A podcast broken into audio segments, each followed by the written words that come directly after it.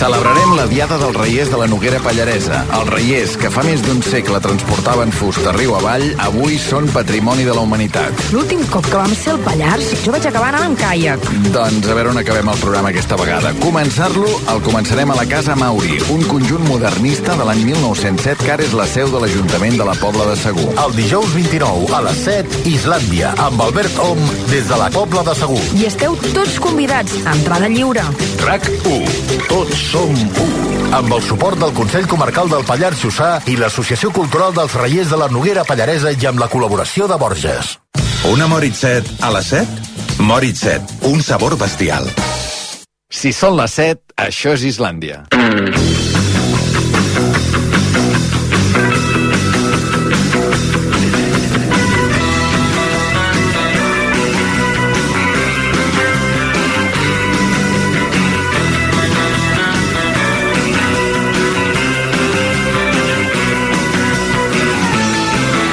A RAC1 Islàndia, amb Albert Om.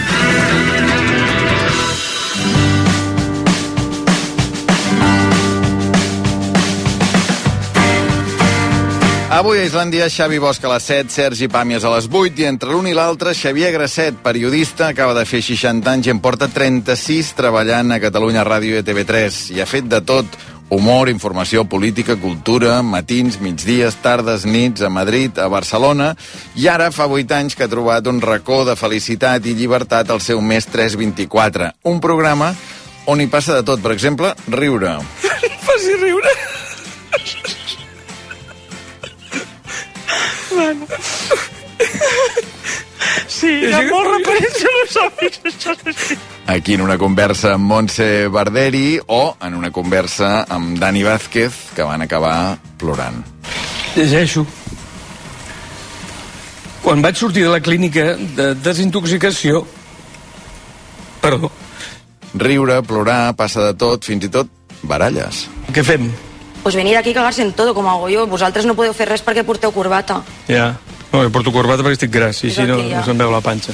Instants que han passat el mes 324, vuit temporades amb Xavier Grasset, que acaba de publicar fa uns mesos La pausa i els, dia, di, la pausa i els dies, dietari de vivències plaents, editat per La Campana, que recull alguns dels articles que ha publicat a la premsa els últims 10 anys i que deixen veure quin és el Xavier Grasset de fora de la televisió. Avui, a partir d'un quart de vuit, Xavier Grasset a Islàndia.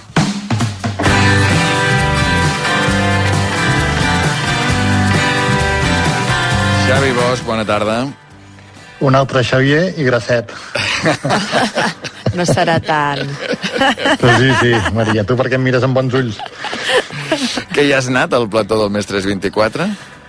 Un cop cada dos anys té el costum de, de convidar-me i la bona educació de convidar-me quan hi ha una novel·la nova i atès que és segurament el programa de tota la corporació catalana que millor eh, tracten els, els llibres i la cultura, doncs eh, és un referent i per tant s'hi va amb molt de gust i l'endemà es nota en vendes. Quan surts del Grasset l'endemà vens eh, un centenar de llibres més llarg. A més, és, és curiós perquè no és un programa de llibres, no? La qual cosa jo crec que demostra primer que, eh, diguem, la llibertat que en una tertúlia política com és la que fa ell, dius, escolta, a mi m'agraden els llibres, doncs, doncs parlaré de llibres, no? Encara que els Sí. llibres sembla que s'hagin desplaçat de la conversa dels mitjans, no? Diguem, encara que, eh, diguem, eh, pràcticament tots els programes hi ha seccions sobre sèries de televisió, no sé què, i en canvi els llibres s'han anat com abandonant i hi ha una reivindicació de, del Grasset aquí amb això, eh? Té aquesta sensibilitat i precisament per això li van donar fa un any o dos, em sembla, el Premi Pere Rodeja per la divulgació que fa de la literatura, no només la catalana, de la literatura i dels llibres en general. Sí, senyor. Doncs escolta'm, eh, ganes de parlar avui amb el Xavier Grasset, que avui també té programa, eh? després del Mestres 24, però, però passarà per Islàndia i tindrem una conversa tranquil·la. Uh, tot això serà després d'haver obert el sobre de vaticinis, que, que ha, anat, ha anat bé, el sobre de vaticinis, uh, Xavi, aquesta Ha setmana? anat, està tancat i segellat i llapat i veurem com ha anat, veurem com ha anat. És que no dona cap pista, eh? O sigui, estem aquí una setmana que tens el sobre, que no te'l... Bueno, evidentment no, no l'hem obert mai. Mai, mai. Mai. Això, això... Mai, eh? Mai. Mira, Sí. es poden Mai. dir coses de nosaltres, eh? Però que haguem obert el sobre Mai. abans d'hora, això no ho hem fet mai i no ho farem mai. No, perquè clar, trencaria I tota no la per gràcia. falta de ganes, Maria. Feia. I no per falta de ganes, Sí. sobretot eh, alguna, alguns anys eh, del final de temporada.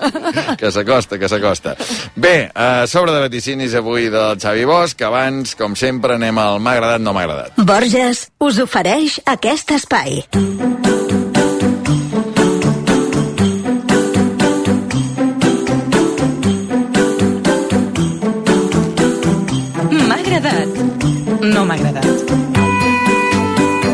agradat la catxa que s'han marcat als Estats Units amb aquesta excursió que van fer cap a Moscou les milícies Wagner de mercenaris. L'endemà, quan semblava que era un intent de cop d'estat, la intel·ligència americana va sortir a dir nosaltres ja ho sabíem, però no vam dir res i no vam fer res perquè no fos dit que els Estats Units estaven al darrere d'aquest cop d'estat.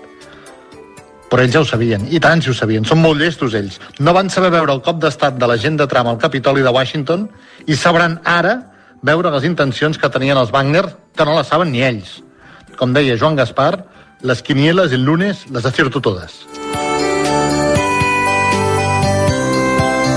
No m'ha agradat veure tampoc amb quina pressa a Itàlia volen posar el nom de Silvio Berlusconi a tot arreu, a carrers, a places, a teatres, a estadis de futbol, a aeroports.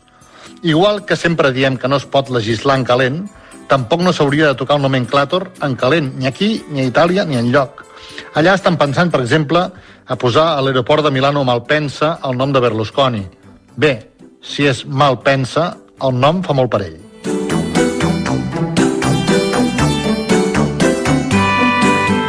M'ha agradat que ara es posin, finalment, les mesures perquè es compleixi una llei catalana del 2020. És a dir, que homes i dones puguem fer topless en les piscines públiques. Desitjo, això sí, que els policies municipals de Múrcia, que porten sempre la porra de la Santa Inquisició en el seu cinturó, no vinguin ara a les nostres piscines.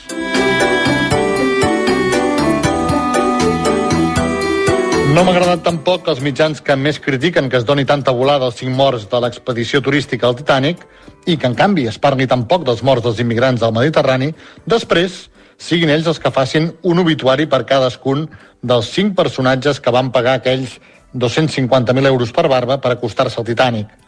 Per cert, del noi que tenia 19 anys, a l'obituari només en saben dir dues coses. Una, que era fill del milionari anglo-pakistanès, que també hi anava, i segona, que era un apassionat en acabar el cub de Rubik.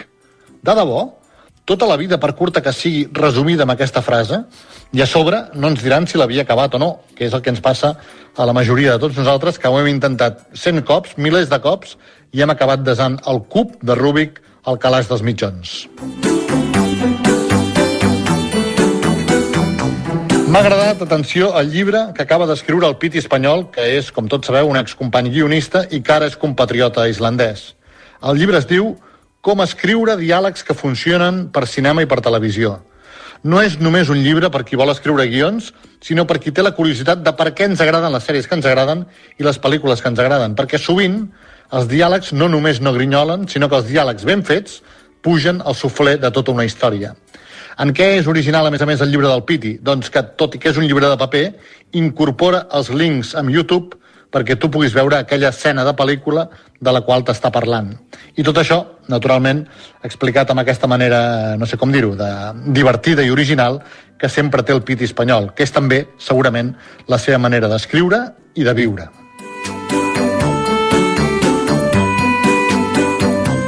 I finalment no m'ha agradat estar assegut en un banc públic, a l'ombra, fent temps per una reunió i veure al meu davant un grup de nens i nenes que no miraven el mòbil. Al contrari, hi havia una xarranca dibuixada a terra i jugaven a la xarranca, a saltar, a girar, sense perdre l'equilibri en una sola cama.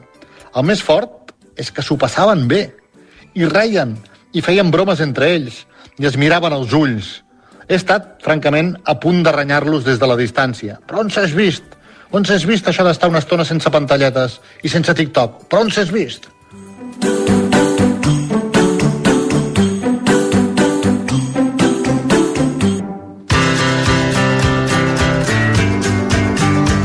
Doncs hem acabat el m'ha agradat, no m'ha agradat. A més a més, ja agafo ara el sobre de vaticinis. Gaspar, microimitació, 19, 05, eh? Vaja. eh? Ho ha notat. Això també s'acosta, eh? S'acosta el moment de fer el recull de totes les microimitacions i les notes de la Que no temporada. caldrà, que no caldrà, que no caldrà. A veure, uh, aquesta vegada no em pots no pas deixar així sense poder-ho fer. No, no, ho farem, ho farem. Ho farem. Va, 7 i 10, obrim el sobre. Vaticinis de Xavi Bosch per obrir dimarts 27 de juny. El sobre el va tancat dimarts de la setmana passada a les 11 i 41 minuts del matí. I ara que l'obrim, sona així. A dins hi ha 8 vaticinis, dos dels quals el Xavi ha triat que valguin dos punts. Comencem pels esportius. Primer vaticini, val dos punts. Bàsquet. El campió de la Lliga 22-23 és el Barça.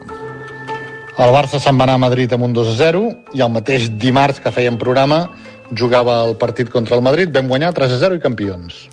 I escolta'm, alegria doble, eh, o podria dir triple perquè t'emportes l'alegria de, de la victòria i és que avui hi havia dos punts amb això, per tant, dos de dos. Dos de dos, segon vaticini, val dos punts. Mira, els dos de dos punts se'ls ha gastat ja d'entrada. Futbol sala, el campió de la Lliga 22-23 és el Barça. El Barça s'ho jugava a Jaén, portava un 2 a 0 del Palau. Primer partit a Jaén, victòria del Barça 3 a 0 i campions. Escolta'm, ha anat al sobre, però estàs a punt de l'aprovat ja, eh, amb dos A punt, a punt. vaticines. 4 de 4. 4 de 4, tercer vaticini, val un punt. Jordi Alba jugarà la temporada que ve a l'Inter de Miami. De moment sabem que hi jugaran en Messi i el Sergio Busquets, però en canvi de l'Alba ni de l'Iniesta encara no sabem on, on jugaran, estem a l'espera. Doncs en aquest cas, 4 de 5. 4 de Pot ser un 5. vaticini precipitat, Sí. pot acabar també Miami amb tota la tropa. Sergio Busquets, de moment, o Sergio Busquets, vaja, que sí que ja ho ha confirmat. Jordi Alba, de moment, no ho ha confirmat. En tot cas, el vaticini aquesta setmana és precipitat, sí, sí. com a mínim. Quart vaticini, política, val un punt. Segona volta d'eleccions a Grècia. Nova democràcia. De Kyriakos Mitsotakis arriba a la majoria per governar. Tal qual. Ha calgut una segona volta, un desempat, però la segona volta ha arrasat. Majoria absoluta. I tu ja tens l'aprovat, 5 de 6. 5 de 6, cinquè vaticini, val un punt. Gastronomia. A la llista dels 50 millors restaurants del món n'hi ha un de català entre els sis primers. No és el sisè, ni el cinquè, ni el quart, ni el tercer, tampoc el primer, però sí que el disfrutar, disfrutar del carrer Villarroel de Barcelona és el segon millor del món, per tant, entre els sis primers i el millor d'Europa. Tu ets el millor vaticinant, 6 de 7. 6 de 7, estaria bé, eh? La llista dels 50 millors vaticinadors del món. De moment sóc l'únic. No ho sabem, no ho sabem, si hi ha alguna altra emissora Ah, que, que es dedica... Que- Estaria bé, una, una trobada de vaticinadors europeus, no? Allò. El de Ràdio Melbourne, eh? no, no cal que siguin europeus, no? Sí, sí, exacte, exacte. M'imagino ja. una obertura de sobres a, a la vegada, saps? Va, anem pel sisè vaticini. Cultura, val un punt. El Premi Creixells de novel·la és per algú amb nom i cognom de natura. L'ha guanyat el Premi Creixells, una distòpia que es diu L'edat dels vius, l'autora de les qual és Mar Bosch. Correcte, nom i cognom de natura. Mar Bosch. doncs un puntàs, 7 de 8. Com ens ho compliquem? 7 de 8, eh? Sí, però ha estat bé, eh? Sí, sí, sí, no, no, està bé, t'ha donat un punt, vull dir que... Sí, sí. 7 de 8, en queden dos. Anem pel penúltim, obituari preventiu, val un punt. No són morts banals els cracs de xarxes socials. A tots els digitals, sense excepció, a Catalunya i a Espanya, el dimecres 21 de juny feien aquest titular. Mor una influencer xinesa per intentar perdre 100 quilos en un campament d'aprimament. I ho fèiem una plataforma que és molt similar al TikTok i que es diu Douyin. Era això. Doncs ja tenim un altre punt, 8 de 9. No és per res, però quan li has preguntat que com havia anat el sobredit, ha anat. Ha anat, sí, sí. No. 8 de 9, vuitè i últim vaticini, val un punt, Joan Carles de Borbó continua sent rei emèrit. 9 de 10, continua sent rei emèrit, però li queda una setmana menys per deixar-ne de ser. 9 de 10, efectivament. Uh, escolta'm, l'enhorabona. Home, això... Llàstima del, fo del Follet i del Jordi Alba que ens ha fallat, eh? Sí, sí, clar, clar, això, però això puja, eh, el nivell de... Sí, home, i tant, això, el nivell mitjana, de les mitjana de la temporada, no? Sí, sí, Vull sí. Em miro d'acabar bé per veure si arriben ofertes. que no hagi d'anar a jugar a l'Inter de Miami, jo també. A Melbourne, Melbourne, a veure, aquest, A aquest Melbourne, Ràdio de, a Ràdio Melbourne. A veure què. Ai, Xavi, molt bé, escolta'm, dimarts que ve una mica més. Aquí de cos present hi serem. Sí. Perfecte, home, de cos present, sí, com el Silvio Berlusconi, no? Allò de... Igual, igual, igual. Legislant calent o en fred, no sé com s'hauria de dir això en aquests casos. Va, una abraçada, fins dimarts, Xavi. Una abraçada. Uh, ja s'espera Xavier Grasset, d'aquí un moment el tenim aquí. A Borges portem més de 125 anys oferint un toc especial a les teves amanides. Cuidem de tot el procés per tal de produir el nostre vinagre de Mòdena seguint el mètode d'elaboració tradicional a les nostres bodegues italianes. Amb una maduració en bota de fusta i sense sucres afegits, aconseguim el millor sabor. Vinagre de Mòdena Borges, el número 1 en vendes. Islàndia, amb Albert Ong. Són passades les 7, les 6 a les Canàries, i l'hora que triïs és bona per prendre's una Moritz 7, perquè encara que soni més guai demanar una Moritz 7 a les 7, si en demanes una a les 6, també t'agradarà. Moritz 7, un sabor bestial. Vols estrenar cotxe aquestes vacances? Nissan t'ho posa fàcil. Descobreix la nostra nova gamma crossover amb tecnologia híbrida, tecnologia e-power i 100% elèctrica i beneficia't de les millors condicions en unitats amb entrega immediata. Només fins al 30 de juny. No deixis passar aquesta oportunitat. Apropa't al teu concessionari Nissan i gaudeix del teu nou Nissan aquestes vacances. Xarxa de concessionaris Nissan de Catalunya. M'he criat entre pagesos, regadius i hortes, homes i dones que no coneixen la paraula descans. Soc d'Aitona, on es fa la fruita més dolça del món. Fes la teva comanda de paraguaians préssecs i nectarines i descobreix una exquisida selecció de productes de les Terres de Lleida. Directament de l'arbre a casa teva. aitonagourmet.com Estrena nou BMW iX1 per tan sols 435 euros al mes, sense entrada, en pla Moves inclòs. Només a Motor Múnich, claus en mà. Oferta vàlida fins al 30 de juny. A més a més, Motor Múnich et regala un cap de setmana romàntic amb el teu nou BMW. Visita'ns i informa't en els nostres concessionaris. A Sabadell, Terrassa, Sant Cugat, Vilanova i la Geltrú, Sant Fruitós de Bages i Vic. RAC més 1, podcast. Vols saber-ho tot de la gent més coneguda? Vols descobrir com són quan s'apaguen els focus? RAC més presenta Pròxima Parada, amb Eduard Buil. Un espai d'entreteniment en què actrius, influencers, músics o dissenyadors ens descobreixen la seva faceta més íntima i desconeguda. Entonces yo llamaba desde la iglesia y le decía, ¿has conservado el corto? No, no, había que destruirlo. Un podcast pensat i dissenyat només per tu. Estic molt còmode fent comèdia, que a més a més és el més difícil, com. Cada 15 dies tens una cita amb el teu espai personal de desconnexió. Pròxima parada. De veritat t'ho perdràs? RAC, tots som més u. Amb la col·laboració de l'Agència Catalana de Turisme. Islàndia, amb Albert Ong.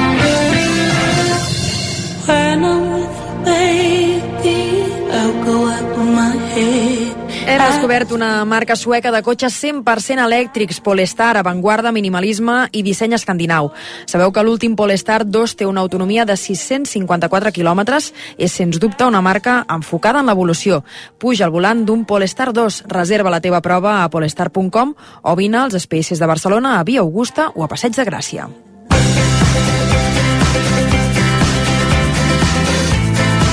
I si una nació desfilant per una catifa vermella, eh, que la catifa vermella no deixa de ser per mi el socialisme, perquè jo la catifa vermella la extiendo a la clase trabajadora y no a los empresarios, como decía el puto viejo de Trías, que a ver también si le cae un meteorito encima, Perdona, no y insultis, deixa de eh? dir No parides. insultis, eh? Xavier Grasset, bona tarda. Albert? Bona tarda. Com? Escolta'm, has tornat a veure aquesta entrevista amb Juana Dolores sencera? No, no, no me l'he mirada mai encara. O sigui, no- jo no l'he vista. La, la vaig viure, però no l'he vista. Sí, mm, potser, potser aquest estiu tindré una mica de temps i m'hi posaré, però sí que he vist fragments, els fragments que corrien per la xarxa i tot això, no? I amb ella ja has tornat a parlar? Mm, no, vam estar a punt de coincidir a Reus, que feien, allà es fa una fira que es diu Epíleg, semblant a la literal d'idees i llibres radicals eh, que es fa a Barcelona, doncs a Reus se'n fa una que es diu Epíleg des de fa dos anys. Jo hi col·laboro moderant alguna taula rodona i ella havia de venir a presentar al matí a les 12 del matí el seu requiem i jo actuava a la tarda, a les 5. No, ens, no necessàriament hauríem coincidit, però mm, pel que sigui no, va trucar al matí i no es va presentar. Sud enllà. Què li diries si la veiessis ara? O si quedéssiu, dius, va, anem a fer un cafè i parlem, dona, de tot. Sí, no, i vaig parlar amb el seu editor. Dic, què tal, com, com va el Requiem? Diu, oh, hem venut els mil exemplars de la primera edició, que en un llibre de poesia vendre mil exemplars està molt i molt bé. No, li diria, li diria que potser no li vaig dir allí perquè vaig considerar que no tocaven, no? jo no havia d'entrar a discutir-li eh, certes coses imprecises de les que va dir, i nosaltres al Mestres 24 hem tingut el Toni Rodon, hem tingut el Jaume López, que ens han explicat la segregació de vot per barris a Barcelona i el pes de Vox i la renda, eh, a les tertúlies mirem que hi hagi mm, opinions de tots els colors, també els seus, dir, no, jo, jo la felicitaria perquè ha aconseguit realment ella fer-se viral i de retruc nosaltres eh, sobre la seva catifa vermella. Deies que no has També. tornat a veure aquella entrevista, que potser si tens temps ho faràs a l'estiu, però tens el recull de tot el que s'ha dit i que s'ha Oh, escrit oh, oh, sobre la oh. conversa Xavier Grasset i la poeta Juana Dolores al Una Mestres carpeta que es 24. digui Juana Dolores, no? L'ordinador. Una carpeta, 10 carpetes. ha sigut increïble veure i, i l'altre dia pensava en Miquel de Palol que ha fet un, un, un conjunt literari brutal amb la idea de sacsejar el pensament del país i generar debat intel·lectual i veus com, com si Miquel o sigui Josep, sigui qui sigui que s'esforcen en introduir a vegades temes de fons, això no acaba generant debat, tret de potser una crítica en les pàgines d'un diari i està. En canvi això l'estirabot, la bronca, el soroll, és eh, lamentablement el que fa que després eh, generin altres articles, no? Mm, Ha sigut el masover del pujolisme, articles sobre el xerneguisme, eh, en fi, a favor, en contra, eh, tuits i piulades, i encara ara, encara avui, si, si mirem el conte de la Juana, veuràs com ella està allà enganxada i, i gresca. De fet, té un espectacle ara al grec, ben a prop d'aquí, em sembla, Uh, El Hit Me i Van Preti, no? I Van Preti, exacte, és dir, que la podem veure en cartell i, i de manera que aquest soroll jo crec que l'ha ajudat a, Mhm. guanyar notorietat, com en el seu moment. La veritat és que jo ho deia sincerament, em feia il·lusió entrevistar-la perquè el, el primer poemari doncs, se'ns va escapar perquè no arribes a tot, i a mi em feia il·lusió entrevistar-la, imaginava el dia després de les eleccions, eh, abans havíem tingut l'Agustí Alcoberro parlant de Francesc Castellví, un historiador del 1714, el gran cronista de la Guerra de Successió del 1714, que se'n va anar a l'exili a Viena, i després quadrava, no? en fi, haguessin, hi haguessin hagut els resultats que, que hi haguessin hagut, després doncs, teníem el Requiem i la poesia i la nació catalana, que se'n Clar, tu aquests últims mesos estàs presentant també aquest llibre que has escrit, La pausa i els dies, que sí. fas com un dietari a partir de tots els articles que has escrit en els últims 10 anys. Una eh? selecció, eh? Sí. Que, perquè no dir que evident, evident, que n'has escrit més, sí, sí. Ho ha, ho ha editat la campana, això. Um, per tancar el tema, Juana Dolores, si tu haguessis d'escriure un article sí. sobre aquella entrevista, què n'escriuries? Per, per on hi entraries, ara? Em, em vaig escriure alguna cosa, res, el, dos dies, sense intuir la sorollada que, que hi podia haver eh, al diari de Tarragona, que no recordo ni què hi devia dir. Però, no sé... Ara, diguem que ha passat un Ara. mes, pràcticament. No sé, suposo que tiraria de Follner i del soroll i la fúria, o, no? perquè a mi m'agrada barrejar-ho sempre amb d'altres referències, i no sé, eh, aquesta mena de ràbia, que no saps... E- Ella em va confessar, la part no explicada és que ella se'n va anar del plató, jo no la vaig veure, ni abans ni després, perquè generalment els últims convidats doncs, entren a plató, que jo no estic fent programa, i quan marxen o abans de marxar sí que tens l'oportunitat de saludar-los. I en el cas de la, de la Juana, doncs no, ella se'n va anar amb el micròfon posat i ell, espera, no el col·lectivitzis encara. Aquest micròfon és burgès. que torni, que es quedi aquí, en aquesta tele, abans de que caigui el meteorit. I, I ella em va dir, jo no sóc un personatge com l'Albert Serra. Vull dir, jo no, jo sóc autèntica, no? Jo no, no he vingut aquí a fer conya. Jo penso que parlava sincerament, potser es va, eh, se li va fer una bola de, de sentir tot el que havia sentit durant la tertúlia, de veure, es va fer una pel·lícula de si li havíem canviat el dia. Canviem de dia els convidats, vaja, i, i vosaltres... Això passa, tots, això passa. que, sí, que sí. els convidats han de saltar perquè passen coses i no, no, no hi ha cap intenció eh, a l'hora de canviar els convidats, no? I no sé, potser l'intentaria aclarir-li això de manera més reposada i si hagués d'escriure, doncs, sí, potser parlaria de- d'aquesta ràbia, no?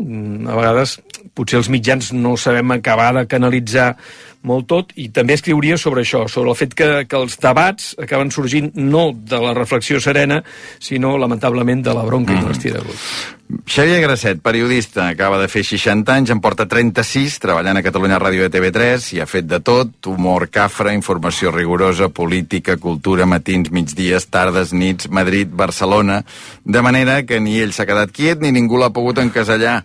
Però ara fa 8 anys que sembla que el Grasset ha trobat un racó de felicitat i de llibertat al seu mes 324, de manera que li ha donat una coherència i una notorietat que es trobava a faltar en aquest canal. Presentant el llibre, com dèiem, aquests últims mesos està recollint el carinyo dels col·legues de professió mm. i sobretot també de lectors i d'espectadors. No? Sí, sí, sí, sí, sí, sí, la veritat és que sí, no? A vegades aquesta feina d'ençà que hi ha Twitter té una part ingrata, que és que generalment et diuen de tot menys bonic a les xarxes, però en canvi eh, a través d'aquest recorregut, d'aquesta presencialitat, eh, això, aquest desvirtualitzar-nos, gràcies a les presentacions sí que reculls eh, més afalacs i molta estima. La veritat és que sí, que notes que la gent t'estima. Escolta, Xavier, jo el llibre l'he llegit com un homenatge als que ens han precedit, sí. començant pels teus pares. Sí, sí, sí, ha això, ja, no és que sigui mm, una mirada nostàlgica, però sí que al final eh, penses com has crescut i, i amb quins condicionants, no? Eh, que en molts casos són humils i, i molt esforçats, i això a vegades, eh, en aquest temps canviant, és homenatge als que ens han precedit, però també pensant en, en, en el futur, no? perquè tot és molt, molt fràgil. Jo me n'adono que, malgrat la nostra professió, és molt difícil de transmetre exactament fil parlant d'allò que veus, allò que penses, allò que ha passat, no? Això del, del procés eh, ho veus claríssimament, no? A vegades tens allà convidats molt diferents que sobre un mateix fet polític que hem viscut tots, cadascú l'explica a la seva manera, no? I això penses amb tot, no? I aquest món canviant fa que doncs, el meu fill em digui pare, han obert un restaurant de ramen a Reus, anem-lo a tastar, i llavors tu penses bé, i molt bé, estic obert al ramen, però i l'escudella, què, què n'hem fet de l'escudella, no? I llavors potser aquí sí que hi ha aquesta mirada més nostàlgica cap als temps de l'escudella o de l'esforç o de la terra o... Bueno, el plaer també de fer les coses eh, com les feien els pares, mm. no? Eh, fer sí. allò que feien, potser sí. dir el que deien, Sí, no? Fer servir... sí, Sí, articles que parlen de, la, de les paraules, de les expressions que feien servir. A més, en el teu cas, tu ets um, fill d'un pare gran sí. i pare gran, Pare gran. d'uns fills bessons, Exacte, diguem. No? sí. El teu pare quants anys tenia quan tu vas néixer? Em sembla que en tenia... no, És que no sé si és el meu pare o la mare, 42. Uh, el pare va néixer l'any 15 i jo vaig néixer l'any 63, no sé, ajudeu-me. 48. 48. 48. I tu vas ser pare ràpid quina edat? I jo vaig ser pare l'any 2009. 60, amb 46. 46. Mira, pràcticament, eh? Sí, tu vas ser pare amb 46 perquè no volies ser pare, diguem, i al final trobes una persona amb qui, Sí. amb qui tenir els fills, o perquè també dius, escolta'm, jo sóc fill d'un pare gran i m'agradaria reproduir-ho d'alguna manera. No, no, no, no estrictament eh, en aquest sentit, sinó...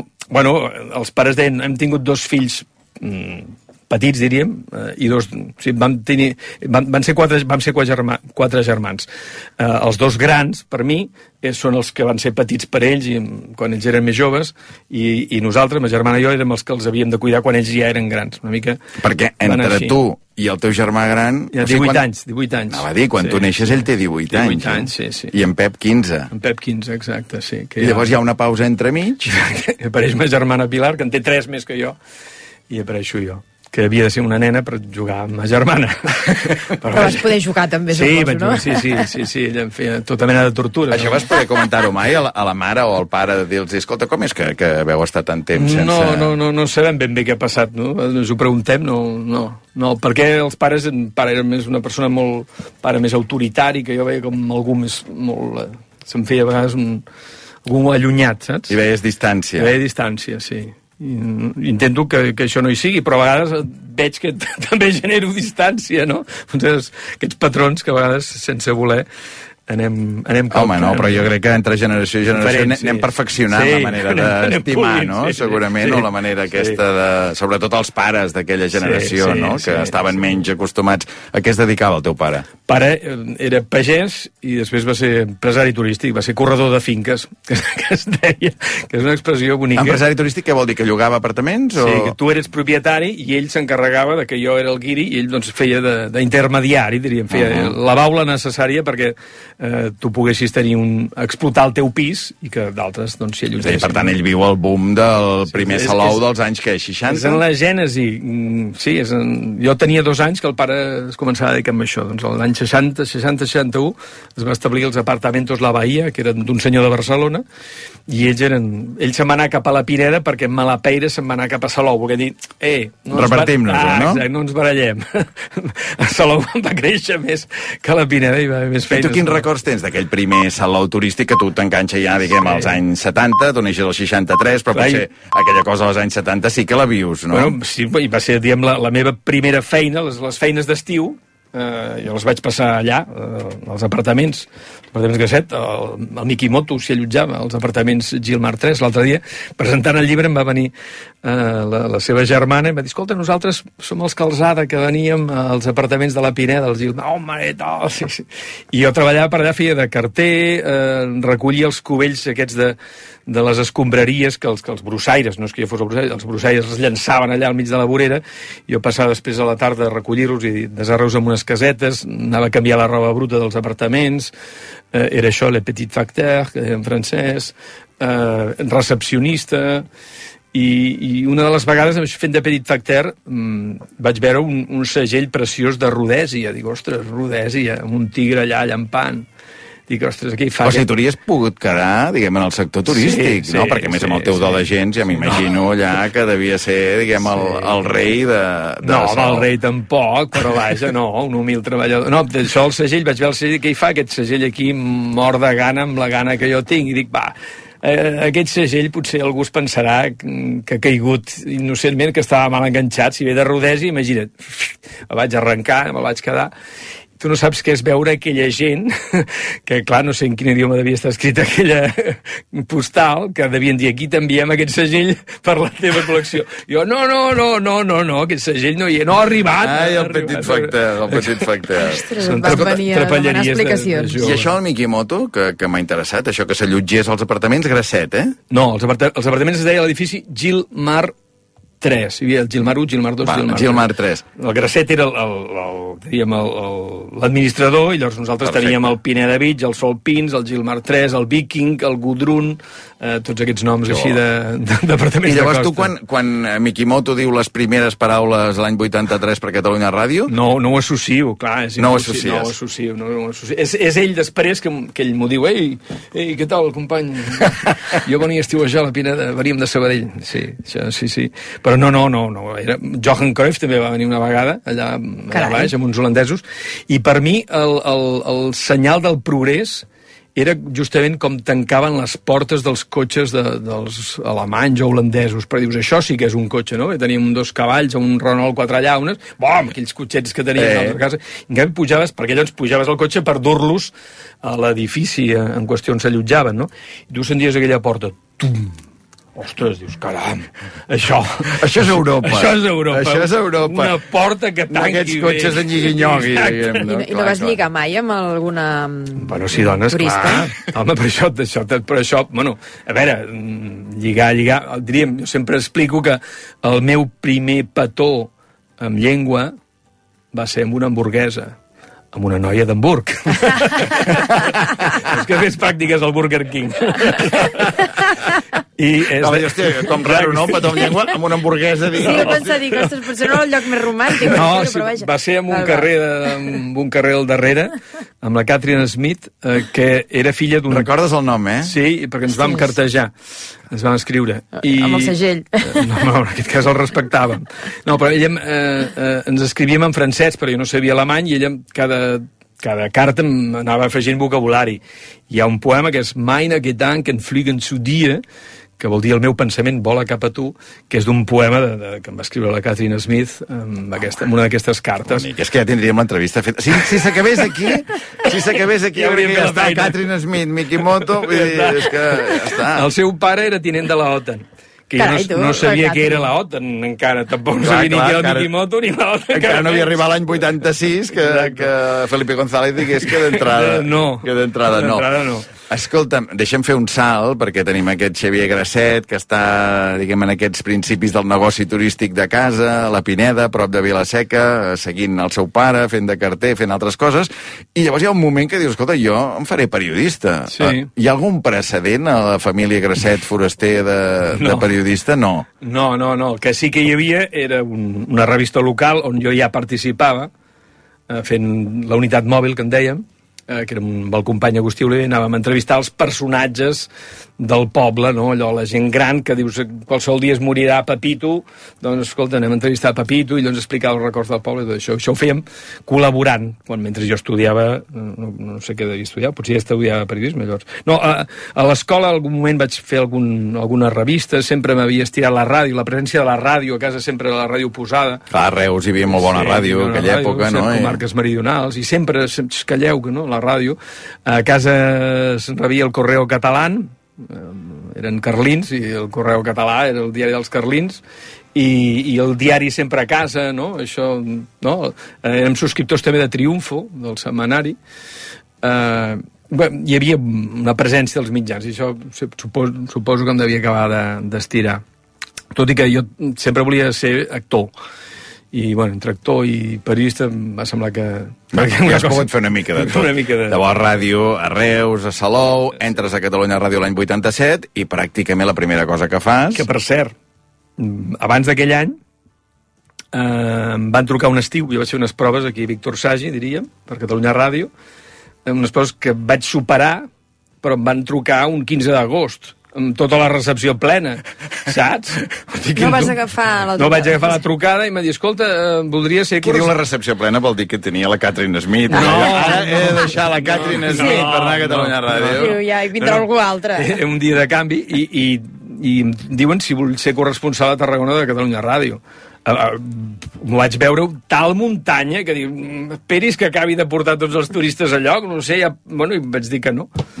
I una altra vegada també vaig fer unes oposicions a TV3 que també vaig superar, només faltava el psicotècnic i me'n vaig anar al servei militar. És a dir que eren dos trens que, que van passar, però finalment... Al final vas agafar l'any 87, portes 36 anys entre Catalunya Ràdio i TV3, i eh, pràcticament el primer que fas és anar-te'n a Madrid. Madrid, finals sí. dels anys 80, eh, està manant des de fa 5 anys Felipe González, encara n'hi queden eh, Mm. uns quants més, diguem, no? fins sí. l'any 96, i vius una mica tots aquests últims anys del filipisme, no sé si últims anys de la movida. Sí, Mister X, tot allò. Com era eh, Madrid aquell final dels anys 80 i com eres tu amb 24 anys Clar, que tenies amb allà? 24 anys amb, amb una energia que, que encara conservo, però més dosificada, eh, i amb ganes de, de, fi, de, de veure món, d'entendre-ho, de, de viatjar, esclar, era és anar a treballar en un lloc on ets un corresponsal, tot i que és una delegació, on hi havia quatre companys, on estàs les 24 hores del dia disposat a, bueno, a disposició de la casa, no?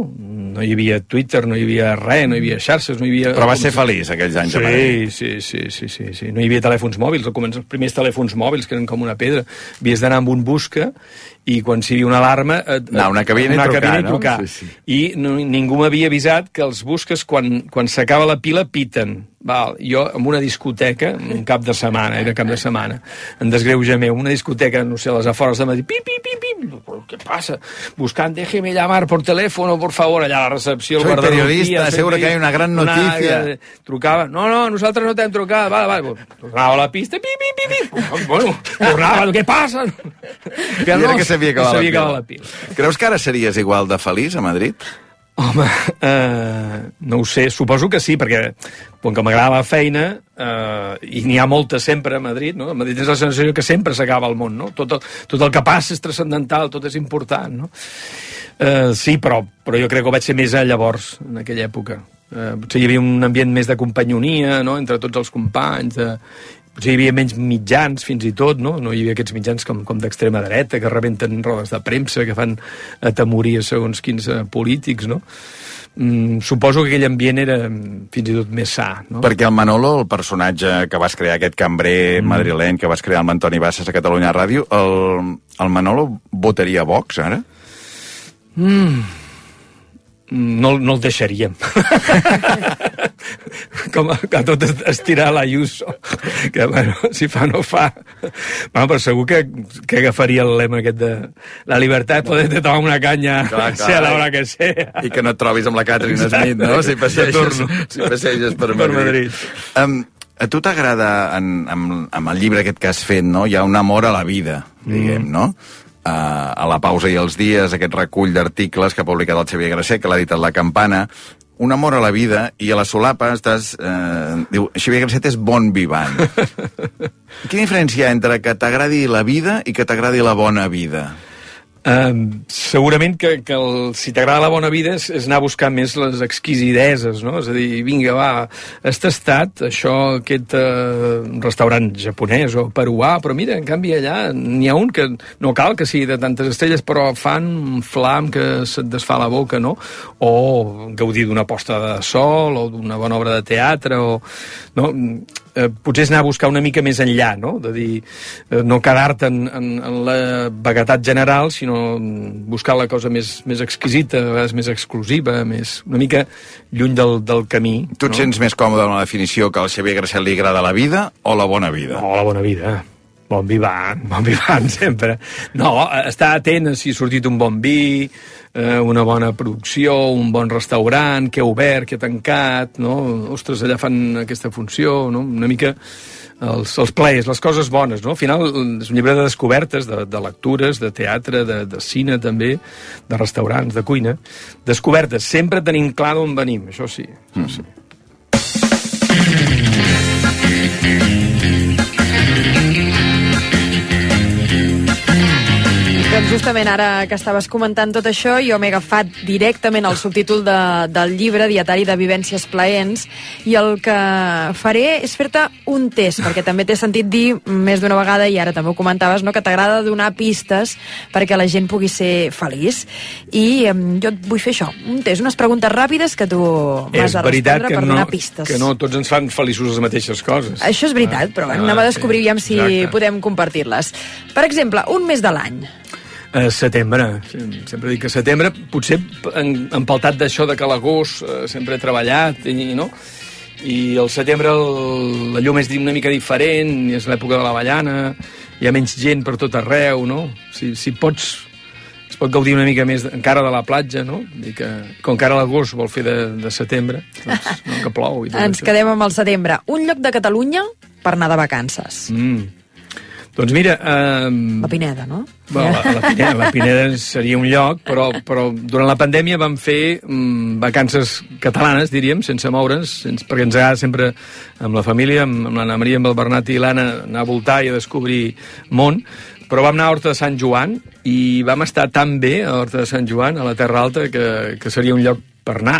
Eh, De, per contrast també ens en vam anar al Pirineu i vam fer rafting i a Llavorsí i també ens ho vam passar genial. Catalunya té tants llocs bons per, per gaudir, per, per estar, eh, però a la Terra Alta allà, la veritat, aquell cabrit que tenen, i jo, Picasso va ser allà dormint, vam anar, havia dormit Picasso, i, i tenen com unes olles naturals al mig del riu, que dius, caram, és singular. Una fruita. Mm. Uh, demanaré préssec, sisplau. Un plat. Un plat, arròs amb bacallà, per exemple. Una frase, una paraula que et faci feliç dir-la. Mm. Abans ens has dit un, ens has recitat un poema en alemany, no sé, Sí. sí. una frase. Uh, bueno, no sé si és frase, però una paraula que sempre m'agrada rescatar és uh, capsana, que és un drap per treure la pols, saps? I Mhm. una A vegades paraula- va bé fer-la sí, servir. fer, per treure la pols una mica. Una obra de teatre. Ai, mira, doncs de les, de les últimes, eh, tots eren fills meus, de les últimes que he vist. Vaja, l'última que he vist no és tots eren fills meus, que la feien el llibre fa no res, l'última que he vist és la, la serventa amorosa, eh, de la Perla 29 a la biblioteca i Carro Goldoni, com que l'any passat vam anar a Venècia, vam anar amb tots a veure aquesta serventa amorosa i és una obra divertidíssima, eh, plena d'enredos i comèdia, vaja. Xavier Grasset, que ens està donant pistes perquè la gent sigui feliç. Una beguda. Dona, eh, t'hauria de dir eh, un bon vi, no? Sí, un bon vi del Priorat. Un article del teu llibre. Uh, doncs uh, aquell que parla de l'ou de fusta, si vols, Vols eh, que et digui una mica com fa, l'ou de Ah, el, fusta? te- el tens aquí? Sí, tinc aquí. Eh, vaig a cara barraca. Està escrit el 22 de maig del 2021 i diu així. Remenar idees com qui va remenant parells de mitjons al calaix rebotit. Acabar de trobar aquells que millor s'escauen el dia que tens acabat d'estrenar. I passa que en aquest moment de l'any, segons els que t'acabis posant, els peus poden acabar rebullits. El canvi d'armari té un punt crític eh, i en el meu cas són els mitjons. Soc dels que creuen que els constipats comencen pels peus, fora de bases científiques, eh, segurament només guiat a les palpentes per la malaptesa secular per idees tronades, arnades, com aquells mitjons que recosia la mare si se'ls feia un préssec. A la capsa de cosir que tenia hi havia aquell ou de fusta que ens devia enlluernar a tots quan no teníem ni Fortnite ni cap altra opció de videojoc.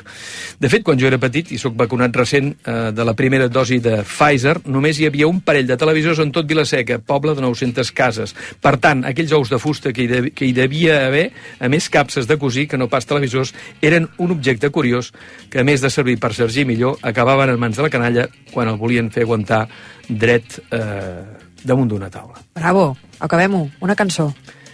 Doncs teatro, no? No tingues però Teatro, teatro. hosti, no l'he encertat. Quina, Mira quina et tenia que mira, mira. Ah! Teatro. Doncs mira, pels, pels pèls he dit 20 anys, perquè a més a més surt a Carolina, la serventa amorosa, hi ha un moment que sona Omar Portuondo amb aquesta cançó. Mira, hauria sigut la... Però anava per allí, anava, Anava per aquí, anava per aquí estàvem, per aquí estàvem. Podria ser la Lupe, podria ser la Mare Portuondo, que la vas tenir més a l'estudi de Catalunya Exacte. Ràdio, encara ho recordo, el món s'acaba, era, no?, en aquell moment. I, sí, guaita, sí, sí, sí. 93 anys farà l'octubre. I actua aquí al Grec aquest any. És a dir, que un dia d'aquests també la tenim per Barcelona, no sé si la setmana que ve, un... però la podré anar a veure, no puc anar a veure res. No pots anar a veure res, Clar, pots anar a veure És el cap res. de setmana. Xavier Grasset, un plaer conversar Albert. amb tu, haver-te que Igualment. aquesta feina ens hagi regalat haver-nos conegut. S'està bé, I- Islàndia. Sí, home, i tant, que s'està bé. Aprofita.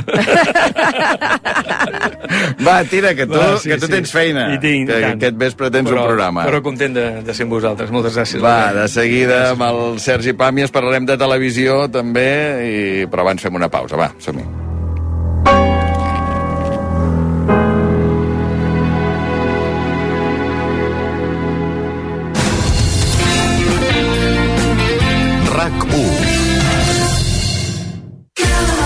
Al Vida Festival a Vilanova i la Geltrú. Des de dijous 29 de juny a dissabte 1 de juliol, el públic que vingui a la Masia d'en Cabanyes podrà viure els concerts de Suede, The Libertines, Julieta Venegas, Jorge Drexler, Aurora, Lori Meyers, l'Imperatriz i la Casa Full, entre molts altres. Tota la informació i venda d'entrades a vidafestival.com. Vine al Vida i descobreix per què This is not a festival. Un lingot d'or, or amb diamants, joies d'or, or de 24 quirats, monedes d'or. Qui té or, té un tresor. I a Criso el valorem més que ningú. Vine i comprova-ho. Criso, a carrer València 256. Especialistes en la compra d'or, rellotges de gamma alta i diamants. Volar en helicòpter és una sensació única.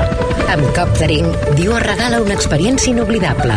Sobrevolar Barcelona amb helicòpter. El Tibidabo, el Camp Nou, la Sagrada Família... Barcelona com mai abans l'has vista. Des de l'aire. Fes la reserva a coptering.com.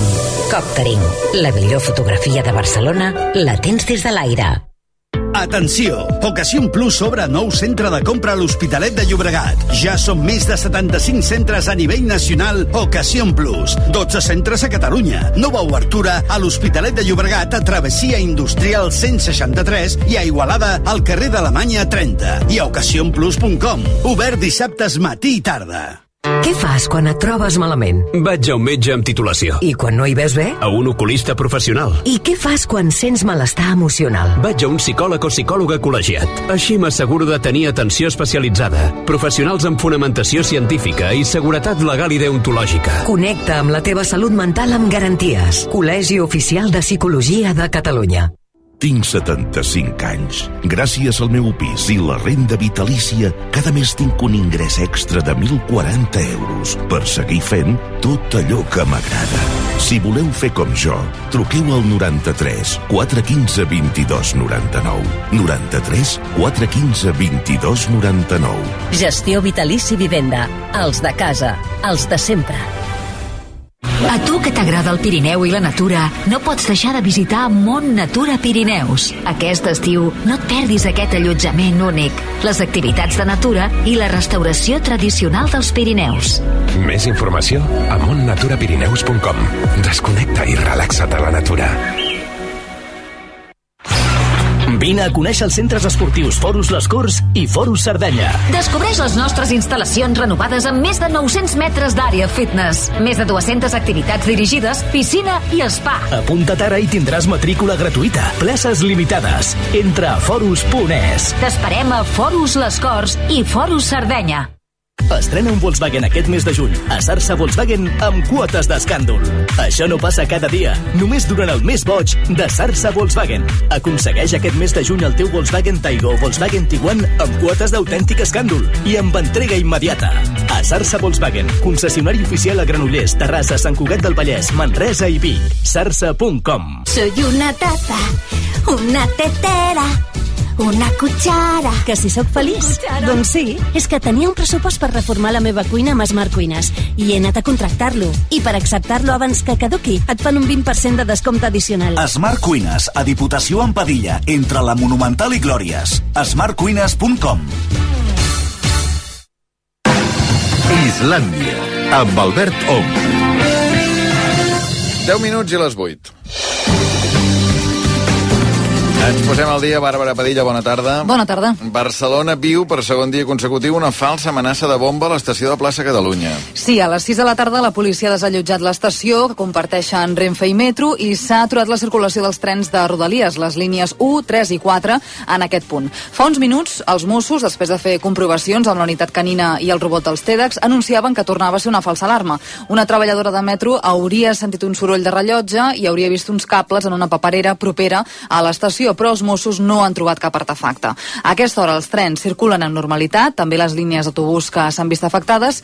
Ahir, recordem-ho, també es va desallotjar l'estació pel mateix motiu, per un paquet sospitós que hi havia en un comboi provinent de Vila de Cavalls. Estrany, dos dies consecutius, més o menys el mateix, aquestes falses amenaces de bomba a l'estació de plaça Catalunya. Més coses, el Parlament ha acollit aquesta tarda un ple monogràfic sobre educació on s'ha defensat l'escola catalana davant l'avanç de l'extrema dreta. El president de la Generalitat, Pere Aragonès, i la nova consellera d'Educació, Anna Simó, han alertat que les polítiques contra el català al País Valencià i a les Illes Balears són només un primer avís del que passarà, diuen, si l'ultradreta arriba a la Moncloa. Simó considera que la immersió lingüística és el model que millor garanteix la igualtat d'oportunitats entre alumnes i ha acusat PP i Vox de promoure una involució de drets. Qualsevol atac a la llengua catalana és un atac que repercuteix en tot el territori on es parla. Ens assenyalen i ens avisen que Catalunya serà la pròxima.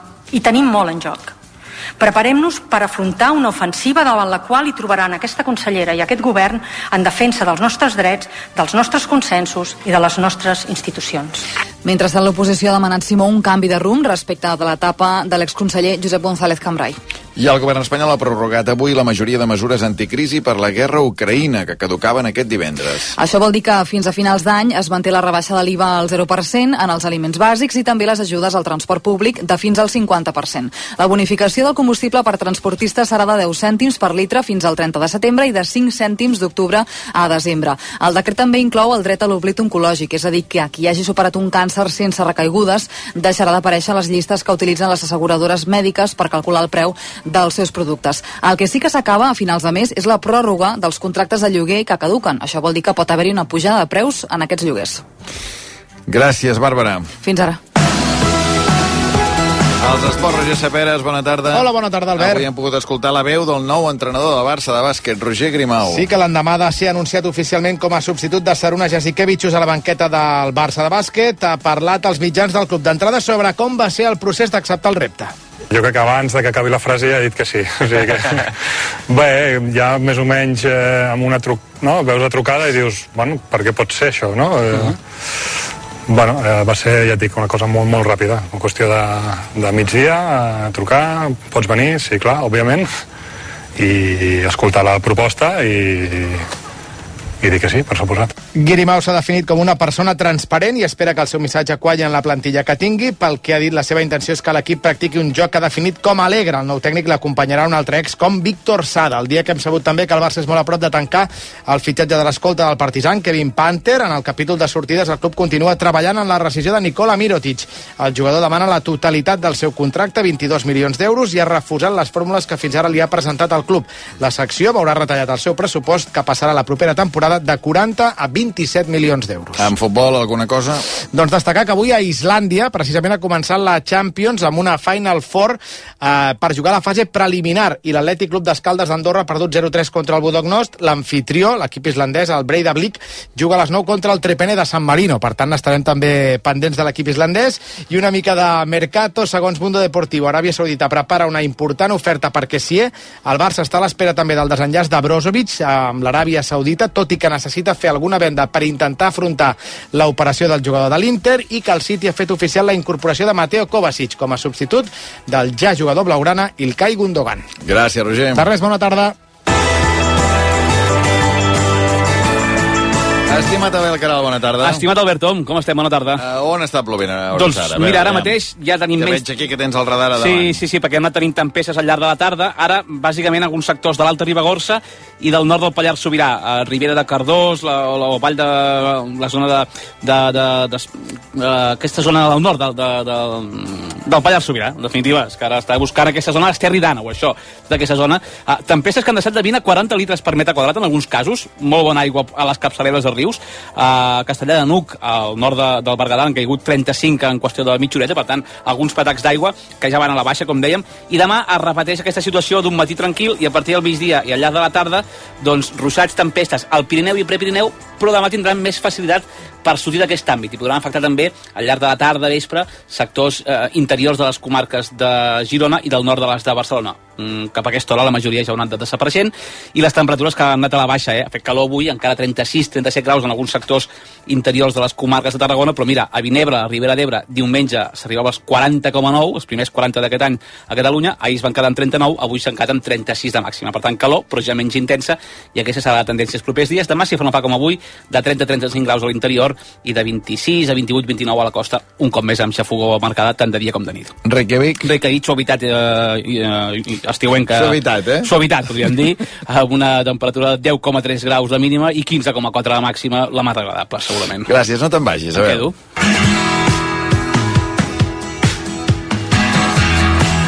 Us heu preguntat mai com funciona Legalitas, atenció, perquè segur que reconeixeu aquests centres mèdics on, eh, segons el que et passa, et deriven a un metge especialista o bé a un altre. Doncs a Legalitas funciona exactament igual, però per telèfon o internet. Després de revisar la teva consulta, et passen amb un advocat expert en el teu cas, laboralista, fiscalista, el que sigui.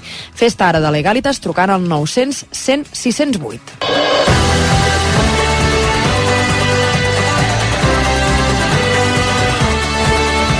Recordeu aquest dijous, per això et deia que no marxessis, Sí. programa en directe des de la Pobla Segur, al Pallars Jussà, és l'última parada de la ruta islandesa fora de Barcelona. A veure, Abel Caral, quin temps ens espera per dijous Ara, a la Pobla de Segur? Doncs, uh, a veure, uh, val a dir que està fent calor cap allà, que ja sabem que uh, Pallars uh, Jussà doncs, és una zona que fa calor, com que a Tremi pot fer molta calor a, a, a l'estiu, però també és una zona, una, una, una àrea on hi ha tempestes de tarda i on n'hi podria haver de cara a dijous. Sembla que, però, que seran més amunt, més cap a la zona de la Vall Fosca, que és ja doncs, al nord del Pallars Jussà i cap al Pallars Sobirà. Per tant, no descarto que en digueu algun ruixat o alguna tempesta, tot i que són més probables una mica més cap al nord. I, home, caloreta de dia, fresca de nit o una mica de fred, i a més a més, si us plou, doncs eh, refrescarà. Doncs demà, demà precisem Això aquesta, aquest pronòstic dijous en directe des de la Pobla de Segur. I si voleu venir de públic al programa, ja sabeu que l'entrada és lliure i no cal reservar. Us esperem a tots al conjunt modernista Casa Mauri de la Pobla de Segur aquest dijous 29 de juny, des de dos quarts de set, que obrirem portes, diguem, i a partir de les set comencem el programa en directe. No hi falteu.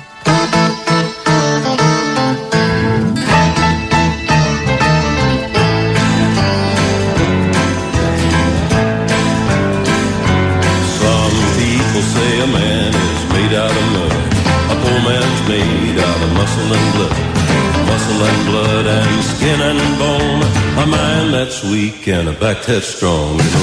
A quina hora se t'havia convocat avui? Sergi Pàmies, bona tarda. A 58. A 58. I realment el, la torre de control infal·lible El rellotge Eva Català no, no ha funcionat, ha funcionat. com sempre, a la perfecció. No, no. A veure, no és per posar pegues, eh, però en l'escaleta posa sintonia punt sí.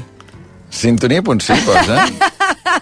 En comptes de sintonia Pàmies? Sí, però vaja, Ah, sí, Cinto punt sí, Però és veritat. ha sonat... Veritat. eh, Ha sonat la Cinto Però, Pàmies. però la torre de control sap perfectament que quan posa això s'ha de, s'ha de posar l'altra. Que, per cert, aquesta sintonia, l'altre dia que parlàveu del Josep Guardiola, el Josep Guardiola té una versió d'aquesta cançó en català. Sí, sí, Ah, la en vam- català, també? Ah. No, una, tonelada, que- una tonelada de carbó de coc és necessària per encendre el foc. Home... Això, jo recordo haver-la sentit en algun moment de la meva intensa joventut. Ah, que bo. No, clar, l'altre dia vam posar la versió en castellà. Corona. És necessària per encendre el foc. Fota-li més, fota-li més. Llavors era dues tonelades. O sigui, era una cançó d'aquestes bucle. Eh? Llàstima, o sigui... Això Llàstima què? Sí, no, que, que, que aquestes coses a mi em fan molt feliç. No? Ha quedat com- gravat, eh, per això, això. Vull dir Vols dir que m'ho puc posar en S'ho bucle, pots posar en si bucle, si vols, el Sergi cantant. Això es posava als telèfons, no, abans? El politono. Baixa, de les- baixa't al politono, el Sergi Pàmies cantant eh, 16 tonelades, amb la versió de Josep Guardiola en, I en es feia això, català. la gent que anava amb autocar, quan anaves d'excursió... Això era una manera de- d'entretenir-nos, anar sumant tonelades de carbó de coc. Meravellós. A veure, 8 en punt. Um, La torre de televisió. control ja, ja, ja hi som, ja estem, ja Ara- estem ara ja estem. enlairant-nos. A Ara- veure, eh, el, tema, el tema així gros ha sigut la Rússia, televisivament i radiofònicament inclús.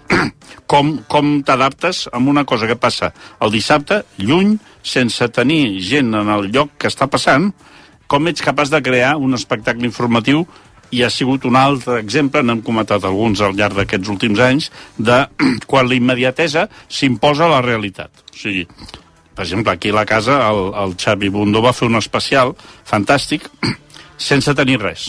O sigui, sobre la base de les poquíssimes notícies que es tenien, que, per entendre's, un cop les havies exposat s'acabava de seguida, donaven per 20 minuts, doncs no, anem a fer un programa especial. Què passa? Que uh, és com si durant un partit de futbol, al minut 10, o al minut 5, eh, convoquessis a tots els, els més grans analistes de futbol del món o del teu, del teu lloc d'origen i fessis tota una teòrica mentre el partit s'està jugant i, a més a més, no tinguessis les imatges del partit. O sigui, no és com la retransmissió d'un partit, sinó que intueixes el que està passant, vagament de tant en tant surt alguna notícia, estem al minut 20 i sem sembla que estan empatant, i sobre això els especialistes han de desenvolupar tota una teoria analítica fascinant. Llavors, tu penses, bueno, això no és seriós a nivell de rigor. Doncs sí que ho és perquè és una, és una mena de mini-màsters eh, pedagògics per la població sobre la realitat que et seran útils per interpretar el que vagi a passar. No té relació amb el que vagi a passar. La prova és que després s'ha vist que era una, un afer eh, absolutament eh, mafiós eh, i, i de joc d'ous entre egos... Eh, Perquè si tu escoltaves això, entre altres coses, sabies, potser no havies sentit a parlar mai del grup Wagner, sabies què és el grup Wagner... no sabies la, la, la, tota la geopolítica uh -huh. o sigui, analitzada i fixa't que a més a més el, el, el Bundó anava diguéssim buscant la, la hipòtesi més plausible. Però tothom havia de protegir-se d'això. I tothom tota l'estona anaven dient bueno, en el supòsit de que això fos és a dir, és fascinant perquè no es pot anar abans del que passarà. No, no s'hi pot anar però d'alguna manera ho van aconseguir. Això a la ràdio. Llavors, la tele van fer el mateix, però com sempre, en paquidèrmic. És a dir, van començar més tard, amb menys analistes, i d'alguna manera... La tele vols dir TV3, en aquest TV3, cas, eh? sí, uh -huh. sí, perquè les altres van, van confiar, bueno, i, i 24 hores també va fer. El, és a dir, el paper de l'analista, això va inventar el, el, el Felipe Sahagún a l'època de la Primera Guerra de, del Golf. sí, que sí. havia de passar hores i hores... Finals dels nits. 80, sí, sí, amb aquells imatges, aquella cosa amb verda, no? Aquella cosa verda, i, i anava convocant gent i, i dient en el supòsit que... I això s'ha convertit en un gènere. Llavors, això que seria, des del punt de vista de deontologia rigorosa, una cosa que no està bé, jo crec que comença a, a perfeccionar-se fins al punt de que quan arriba el, el moment en què ens diuen no hi haurà cop d'estat, eh, sembla ser que això era un assumpte, un torcebraç entre, entre els, eh, els egos implicats, tu ja ets un màster. És a dir, la utilitat és l'acceleració del coneixement eh, aquest eh, estàndard. Uh -huh. És a dir, de no saber res, passes a saber poc, però pots aguantar una conversa o una sobretaula sobre el tema. Però que tu no hauries escoltat mai allò si no fos que està passant no sé què, no? I per la inquietud que crea. Uh -huh. És a dir, tots els símptomes eren de que era greu. Després s'ha vist que potser no ho és tant, però tampoc ho sabem, perquè, com molt bé van dir moltíssims dels analistes entrevistats, aquestes conseqüències no es poden calcular immediatament. Clar, tots els, tot està obert. Mm -hmm. Llavors, què té de bo? Que les persones que puguin tenir un interès per l'actualitat, un interès legítim, i autèntic, si tu vols, genuí, gent que li preocupa el que passi a Rússia o a Ucrània o, o el que ens pugui costar a nosaltres després com a conseqüència, doncs tenen un tipus d'informació que, que té molt d'espectacle, molt, però que va ser brutal eh, com en poques hores, i després, per exemple, Catalunya Ràdio va muntar també un, un operatiu d'especial a les 7 i a les 8 se'ls havia acabat l'argument. Llavors, clar, aquí també té molt a veure amb la capacitat, la flexibilitat de crear en, en un espectacle informatiu no seria, seria un espectacle especulatiu. És l'especulació espectacle. Però sempre anant a buscar persones autoritzades i que, a més a més, et van dient coses mentre, mentre dubten o mentre especulen, van deixant anar una informació que et serà útil perquè ja la tens per tota la vida. Quantes coses vam aprendre aquella tarda? Sí. I que inesperat que era que pogués passar una cosa així, Ara, no? I en canvi, tot el to, tot el que havia provocat la urgència i l'emergència era molt pitjor del que aparentment està passant. Per tant, l'està passant eh, es qüestiona, fins i tot l'està passant, que és el gran invent de, de les cadenes informatives i de la creació d'aquesta immediatesa falsa de, que es confon molt sovint amb, amb informació, que no ho és, doncs no està passant. Si l'està passant, ja no està passant. Si hi ha coses que diem que estan passant o que estem creant un espectacle audiovisual brutal i, a més a més, intel·ligent i interessant eh, sobre una cosa que no està passant. Però l'epígraf és està passant. Però ens pensem que sí que està passant. Sí, és, és el pretext. Si no, no ho faríem. No ho faríem, però no està passant. és a dir, no s'està jugant el partit tal com semblava que s'estava uh -huh. jugant. El no tenir, el no disposar, això és un, un retrocés, perquè antigament a lo millor tenies, no hi havia l'estar passant, perquè ens esperàvem, és a dir, a l'època del Felipe II eh, estava passant moltes menys coses, però quan connectàvem amb el, amb el reporter que era dins de l'hotel aquell i havia de baixar a baix, tu veies el reporter. I d'alguna manera el que estava passant, estava passant. Però aquí no, perquè al no tenir cap imatge, et deien, per exemple, era molt divertit a mesura que, que anava... Bueno, divertit no. Era interessant veure com estan a 200 quilòmetres de Moscou. Llavors, te n'anaves a fer un entrepà i tornaves a... Estan a, a 100 quilòmetres. Llavors, clar, tu deies, com, com ho saben? És, dir, és com el flight, aquell, aquell, aquella pàgina web, quan tens un amic o un familiar que un va... Un avió que està venint, avió, no? Sí. Eh, tu vas, vas entrant, a veure, vas ve veient que, bueno, falta una hora perquè arribi, no? Uh, jo ho faig molt amb els meus fills, els estic controlant sempre que estan volant, i, i sóc un expert en flights. O sigui, tu segueixes els vols dels jo teus fills, eh? Jo segueixo tots els vols dels meus fills quan, quan, No en tens prou Quan, quan tinc la informació, quan O sigui- sé què està passant, perquè a Però- vegades no tinc ni la informació. Però no en tens prou, em enviem un WhatsApp quan No. arribis, no? No, perquè no me l'enviaran. Bueno, perquè no tens WhatsApp, però bueno, un SMS I- i o perquè un no me mail, l'enviaran. O... Perquè no te l'enviaran, clar. I aleshores la informació aquesta... Te l'has d'anar a buscar, tu. Me l'haig d'anar a buscar jo. Eh? I aleshores és molt interessant anar seguint si, si hi ha hagut una anul·lació, si hi ha hagut un retard. tot Però si això. és un vol d'aquests, per exemple, de 12 hores, també estàs També, allà... aquest és molt mirant, important. Sí. Pensa que va haver un, una vegada que el meu fill se'n va anar a Salt Lake City, que va coincidir amb, aquell, amb aquella catàstrofe que, es,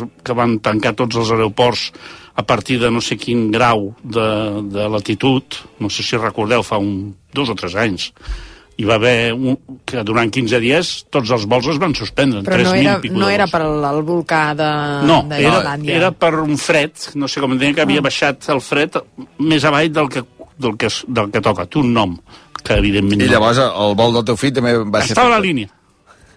De manera que vaig haver de prendre'm tots els vols que hi havia en aquells moments anul·lats i no anul·lats i, i seguir a través de dues pantalles eh? Vull dir, el, el, el que estava passant. Però llavors, jo crec que, tornant a això de dissabte de Rússia, clar, tu tens una, un avantatge respecte a altres ciutadans, diguem que tu tens un interès per l'actualitat, pel que està passant, i aquest és un element que et fa estar connectat, però a més a més... Clar, forma part de la meva feina. I que tens un interès per com expliquem això als Ah, periodistes. ah. Llavors, clar, diguem, Per mi, disfrutes per- dues vegades, clar, diguem, no? Jo, jo, és- jo és com... Jo vaig al cinema i parlo de cinema, no? Escric sobre futbol i m'agrada el futbol. O sigui, intento convertir tot, tot el que m'interessa i tot el que m'apassiona o, o inclús em preocupa, monetitzar-ho. és una monetització. Mira, abans que es dit que cantaria Josep Guardiola, que de la teva boca sortiria la paraula monetitzar. Doncs escolta, anem a, a buscar la, la secció dins de la secció. Sì e no. Sì e no. Perché, perché, perché non ti decidi mai? Un po' ci sei. De. Bueno, L'últim programa de Sálvame, després d'haver anunciat durant mm, setmanes, gairebé mesos, de que acabava Sálvame, i per tant, una preparació, una prèvia tan llarga que quan arribes estàs extenuat. Era molt natural que hi hagués una certa decepció. Decepció polèmica, també, però jo crec que molt coherent. Eh, recomano als que els interessi el tema que busquin un article d'ahir o d'abans d'ahir de l'Òscar Cornejo al País, que explica eh, magistralment què és la, les sensacions que crea acabar, acabar Salva. Que és part interessada perquè Òscar Cornejo és el fundador de la fàbrica de la, tele i del tele, format, per tant, no? és part implicada. Però també té un tipus d'informació eh, que està molt per damunt de la mitjana dels mortals. Llavors, programa decebedor, però coherent en quin sentit? El, eh, Sálvame fa anys que està en decadència. És a dir, les estrelles estan gastades, els caníbals s'han devorat entre ells fins al punt de que han quedat afectats, els hi falta un braç, els hi falta una orella. Eh, és més zombi que, que, que caníbal. El presentador s'ha dedicat al teatre, escriu llibres, eh, participa en els debats polítics, té una, se li mor la seva gran amiga, hi ha baixes importants, tot això recent. De manera que podríem dir que a l'últim període de, de Sálvame... Són zombis. Són zombis decadents en un moment difícil que intenten superar amb bona voluntat i, i, i fent fitxatges nous, intentant donar-li vida. Però està tocat, està tocat. Jo crec que la, al final representa més aquest, aquest esperit del sàlvame decadent que no pas el, els anys d'esplendor gamberro i, i d'irreverència irresponsable i de temeritat permanent això que el Cornejo diu, eh, el, el, un festival d'intrascendència, diu que siguem, nosaltres hem sigut els reis del, del que és intrascendent, però això no vol dir que siguem inútils.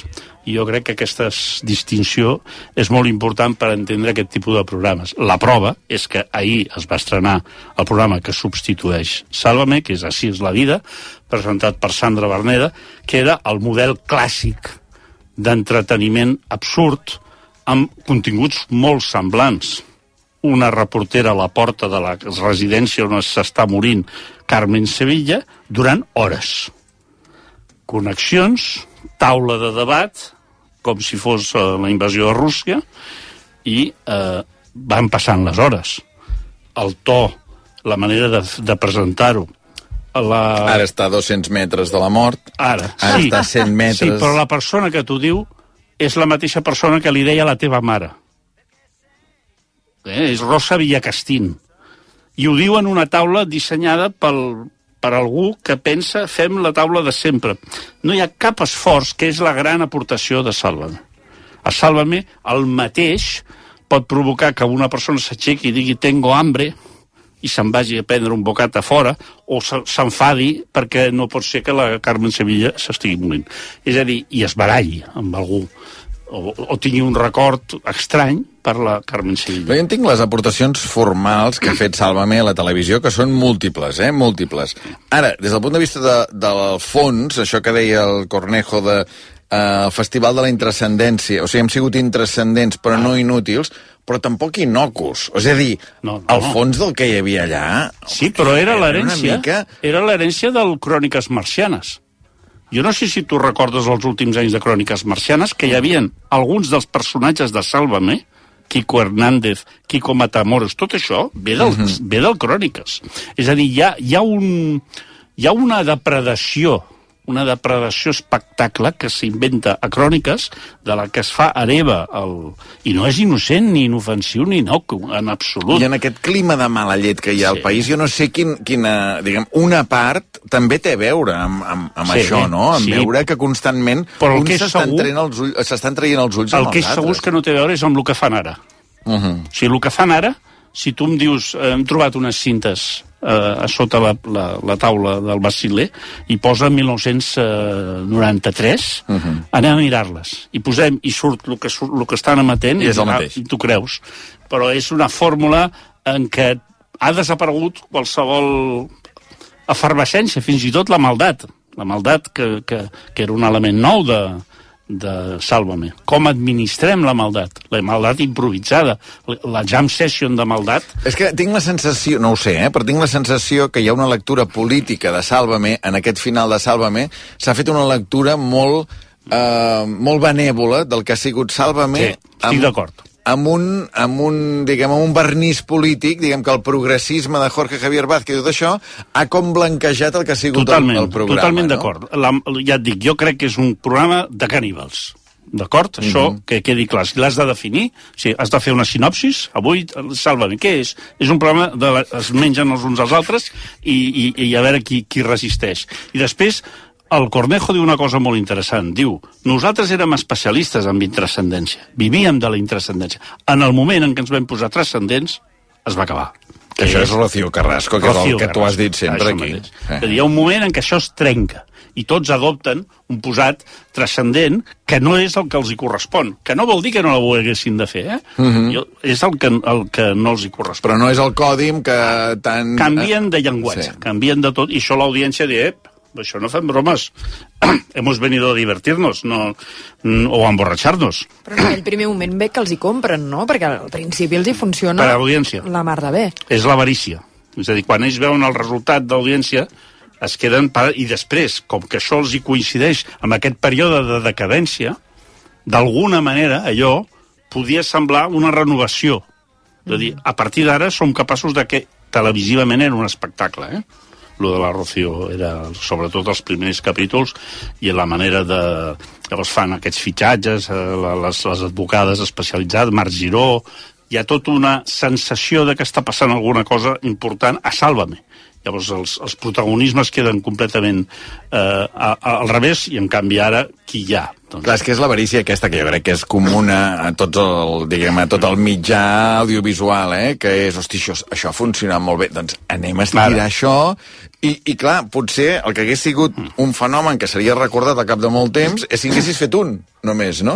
Fas un dia, allò, dos dies, però clar, volgués tirar tot allò, bueno, en fi. I sobretot que va afectar, perquè repeteixo, això els hi va arribar en un moment ja que era decadent el programa perquè els continguts i sobretot els protagonismes, o sigui, quan Quico Matamols s'ha operat per cinquena vegada i, i baixa les escales Que això operat, s'ha esdevingut, eh? Això sí, Eh, va, va. baixa les escales amb vestit de, de fantomes, ja no té l'element sorpresa. Això ja ho has vist. O quan algú et diu, parece ser un problema, eh, eh, jo que sé, el, el, el caparrós, quan es, se surt de, de les seves addiccions i fa un llibre i fa tot un, un sistema de confessió de la superació de les addiccions, que és una cosa important socialment. Això ja ho has vist amb la, amb la Belén Esteban, ja ho has vist amb dos o tres d'aquella família. Per tant, ja no és un element de sorpresa. Eh?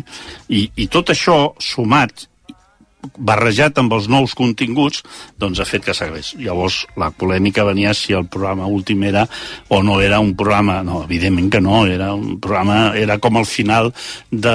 Com es deia aquella sèrie dels Mons- Monsolís o Monso... De Nissaga de Poder. Final de Nissaga de Poder, que es, es crema aquell, aquell Mhm. vaixell. Home, allò va ser molt polèmic, eh? Molt polèmic, Ah. perquè es considerava que no estava a l'altura, no? El, el vaixell Sí, sí. havia de ser més gran, el, la, doncs aquí és igual. Es crema, van fer una foguera que va decebre, perquè evidentment era una foguera que no estava a l'altura de totes les fogueres que, que s'han encès metafòriques al plató. Però vaja, mm, en qualsevol cas... eh, Ho devia estar veient, Jorge Javier Vázquez, el divendres, l'últim programa, perquè està de baixa. No. Sí, jo, jo no ho crec.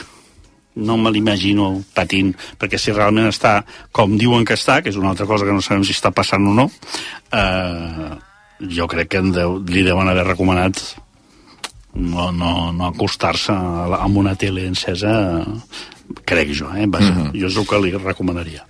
Bé, escolta'm, avui, veig que tens la programació Sí. aquí davant, avui al- a l'Hormiguero... Sí, senyor. Pedro Sánchez. 21 a 45, com si no l'haguéssim vist ni Fa sentit. dies que no el veiem, en Pedro Sánchez, a cap sentim, entrevista. Ostres, porta un ritme, va, va gairebé a entrevista diària i sobretot a, a, a mitjans que, no, que alguns són hostils. Com és el cas d'avui. Sí. Una hostilitat, amb això de l'hormiguero, mm, estic... Eh, no, tinc, no, no ho tinc científicament demostrat, però jo crec que de la mateixa manera que al Sálvame li atribuïm unes condicions revolucionàries que no té, tinc la sensació que amb l'hormiguero se l'acusa d'una fatxeria que no té. Jo estic molt d'acord, Eh? també. A mi em sembla un, un programa més mm, transversal del que se'ns vol fer creure.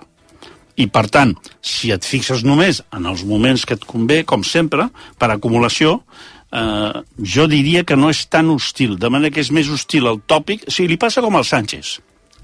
Eh? El monstro del sanchismo, Uh -huh. ara que ell es defensa, Sí. sí. que han creat un, una imatge d'ell que no es correspon a la veritat i que per això ell ara va a tot arreu a desmentir-se, que és perillosíssim. I tu creus que el motismo o el pablismo El, de, de pa- Pablo el Motos... pablomotismo, El pablomotismo? el pablomotismo és una forma d'exageració malèvola d'una realitat que podem criticar, només faltaria. Llavors, clar, evidentment, li treuen... És, és, està més a prop dels memes que, de les, que del metratge.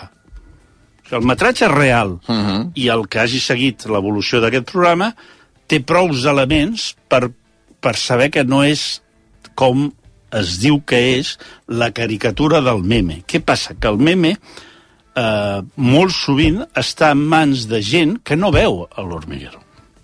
Que això passa molt en el- en l'univers de la comunicació actual. Que els que volen marcar tendència i posar etiquetes no són consumidors. Aleshores, des d'una superioritat, si tu vols, inclús d'una, com t'ho diria, d'un talent, perquè moltes, moltes interpretacions i etiquetes d'aquestes són brillants, tenen molta gràcia i són que dius, ostres, que ben trobat, no? Però jo recordo, no puc posar noms, però un gran filòsof català, viu, eh, surt quan era jove, surt a la nit amb un gran periodista eh, que per desgràcia ja no hi és, estem tota la nit voltant, el periodista li explica al filòsof jove tota una sèrie d'aventures del món del periodisme, de la política, de la filosofia, aquest està liat amb aquesta... Eh, tot li fa un mapa uh Mhm. -huh. i l'altre impassible va aguantant, va demanant copes, va bevent i al final li diu tot això que m'has explicat és fantàstic. Llàstima que sigui mentida. doncs jo crec que el, que el, que el que passa una mica amb, amb el- amb el- l'hormiguero és això. És a dir, tot això que ens diuen que és l'hormiguero, la veritat és que sona bé, és divertit i, i pot servir eh, en, un, en una assemblea. En un tribunal ja no, no estic tan, mm -hmm. tan segur de que sigui. Jo ho veuré, 21 a 45, fa, la veritat fa una mica d'angúnia, eh, aquest Sánchez a la defensiva, perquè, clar, es- està assumint una responsabilitat, primer que està sol, que és una tradició en ell, de que tant les coses que li surten No, bé... perdona, no. Aquesta vegada té un suport, que és Rodríguez Zapatero, No, que però- està fent una gira paral·lela. Sí, però que no com- sé si vas veure la cara de Sánchez quan Évole li va posar el, el, el Zapatero no va fer un camí. El, el Zapatero està fent el paper d'una pel·lícula de Cantinfles, en què Cantinfles eh, és un advocat que defensa amb un pobre eh, delinqüent. I Cantinfles comença a parlar i a parlar a favor del delinqüent fins que el eh, delinqüent li diu no me defiendas, compadre. Jo crec que la sensació del Sánchez és ara només em falta que obri la boca Zapatero, que evidentment és rebut amb entusiasme mm. per gent que no l'ha votat mai. Eh? Però mm, jo crec que Zapatero forma part de la campanya... Dia, és que no, no sé qui ho escrivia això, com si fes de llebre el Zapatero, li deien, no? Que està sí. comen ha començat ell la cursa Doncs i ara li no dona està com ni el a relleu. l'estadi. No està ni a l'estadi. No està ni a l'estadi. Està fent de llebre a llocs ignots que, que no li fan cap bé en el Sánchez, que està sol defensant-se com pot però ho veurem perquè realment és un, és un espectacle. I recomano que la gent recuperi el documental a Televisió Espanyola, que té una web magnífica, El Ventilador. No el vaig veure, diumenge a la nit, no? Busqueu-lo i disfruteu-lo, perquè hi ha una història maquíssima dels Amaya, els Amaya són aquest grup, aquest duet de tota la vida, Vete... Sí. Eh? I n'hi ha un que tenia una, daño, una, una veu molt aguda i explica les raons per les quals té la veu aguda. No faig spoiler. No fas spoiler? No, ho deixo aquí. És una cosa testicular. Home, bueno, eh, això, el que has fet és un cliffhanger. Ara. Es diu, eh? Sí. Diguem, o sigui... Avui està fent moltes coses que Clar, clar, pensava perquè- que no faria. O sigui, jo anava a fer un pacte, diguem, o expliques això... O tornes a cantar. No, o em dius qui era el filòsof i el periodista. No. Que això, això no es pot Això dir, no eh? es pot dir, no, perquè per respecte, no, no. no es pot. Aquesta veu, eh? Estem parlant, a veure, ja...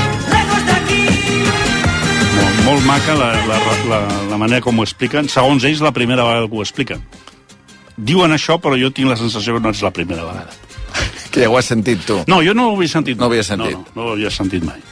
Doncs el ventilador, eh? És aquest... Eh, Història de rumba, sí. Aquest documental que em sembla que el va emetre també a la xarxa de televisions locals i de la Catalunya. BTV també ho va estrenar el diumenge, em sembla que va fer un, un, una...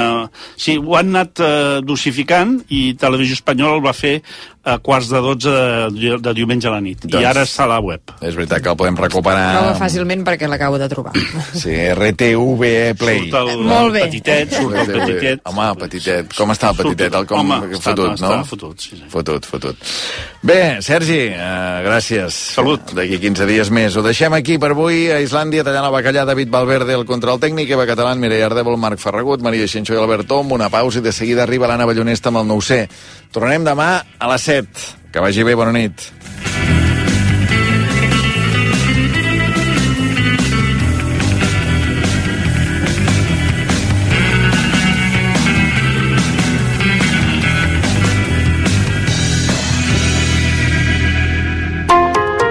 L'11 de juliol tens una cita per conèixer les oportunitats de digitalització de les entitats socials. El Congrés Digital del Tercer Sector arriba a Barcelona de la mà de Fundació Telefònica i la taula d'entitats del Tercer Sector Social de Catalunya. Entrada gratuïta a fundaciontelefónica.com. Vols estrenar cotxe aquestes vacances? Nissan t'ho posa fàcil. Descobreix la nostra nova gamma crossover amb tecnologia híbrida, tecnologia i power i 100% elèctrica i beneficia't de les millors condicions en unitats amb entrega immediata. Només fins al 30 de juny. No deixis passar aquesta oportunitat. Apropa't al teu concessionari Nissan i gaudeix del teu nou Nissan aquestes vacances. Xarxa de concessionaris Nissan de Catalunya. Fes-te ara de Legalitas i sent el poder de comptar amb un advocat sempre que ho necessitis. Truca gratis al 900 106 08 o entra a legalitas.com. Deixa't seduir per la gamma de vehicles híbrids endollables i purament elèctrics de la xarxa Volvo de Catalunya i els seus dissenys exclusius. Amb màxima seguretat per a les persones i per al nostre planeta. Perquè Volvo ja és futur. Eficiència i màxima connectivitat. Autonomia 100% elèctric de fins a 578 quilòmetres. Ara amb entrega immediata i carregador i instal·lació Wallbox gratuït. Xarxa Volvo de Catalunya. Preocupat pel teu aire condicionat? Aquest estiu, fes-li un gol a la teva factura energètica amb l'aire condicionat de Mitsubishi Elèctric. L'aire condicionat més eficient. I gaudeix sense ensurs a final de mes. Mitsubishi Elèctric és el teu aire. Estrena nou BMW iX1 per tan sols 435 euros al mes. Sense entrada, en pla Moves inclòs. Només a Motor Múnich, claus en mà. Oferta vàlida fins al 30 de juny. A més a més, Motor Múnich et regala un cap de setmana romàntic amb el teu nou BMW. Visita'ns i informa't en els nostres concessionaris. A Sabadell, Terrassa, Sant Cugat, Vilanova i la Geltrú, Sant Fruitós de Bages i Vic. Una bona salut bucal és indispensable a les nostres vides. Per això, el primer pas és la prevenció amb vitis. Protegeix i cuida la salut de les teves genives amb la gamma especialment dissenyada i formulada de raspalls, pastes i col·lutoris de Vitis Encias. Amb venda a farmàcies i parafarmàcies. Vitis. Més que una boca, és salut. L'estiu arriba a Rodi. Ara si compres pneumàtics de les nostres millors marques, et regalem un superinflable en forma de pneumàtic. Consulta totes les nostres ofertes a Rodi Ponés i no et quedis sense l'inflable de l'estiu. Rodi Motor Services, motor de confiança. Estàs a punt per viatjar un nou munt d'emocions i acrobàcies extraordinàries? Vine a gaudir de Festa, el nou espectacle exclusiu que el Cirque du Soleil ha creat per Andorra. Una gran celebració en què res és el que sembla. De l'1 al 30 de juliol tens una cita a Andorra. Reserva la teva entrada a visitandorra.com. Vols estrenar cotxe aquestes vacances? Nissan t'ho posa fàcil. Descobreix la nostra nova gamma crossover amb tecnologia híbrida, tecnologia i power i 100% elèctrica i beneficia't de les millors condicions en unitats amb entrega immediata. Només fins al 30 de juny. No deixis passar aquesta oportunitat. Apropa't al teu concessionari Nissan i gaudeix del teu nou Nissan aquestes vacances. Xarxa de concessionaris Nissan de Catalunya. RAC1 presenta el diumenge 2 de juliol Via Lliure amb Xavi Bundó en directe de dos quarts d'onze a dues des d'Esterri d'Àneu per celebrar el 40è aniversari del Consell Cultural de les Valls d'Àneu. Un via lliure des del cor del Pallars Sobirà per parlar d'història, de patrimoni i cultura, amb la vista posada en el Dansàneu, el Festival de les Cultures del Pirineu, que es fa a finals de juliol. Us hi esperem a la plaça de l'Església d'Esterri d'Àneu. El diumenge 2 de juliol, a partir de dos quarts d'onze, Via Lliure, amb Xavi Bundó en directe des d'Esterri d'Àneu. Amb el suport de l'Institut per al Desenvolupament i la Promoció de l'Alt Pirineu i l'Aran i la Mancomunitat de Municipis Anauencs, en col·laboració amb Endesa. RAC 1. Tots som 1. RAC 1. Tots som 1.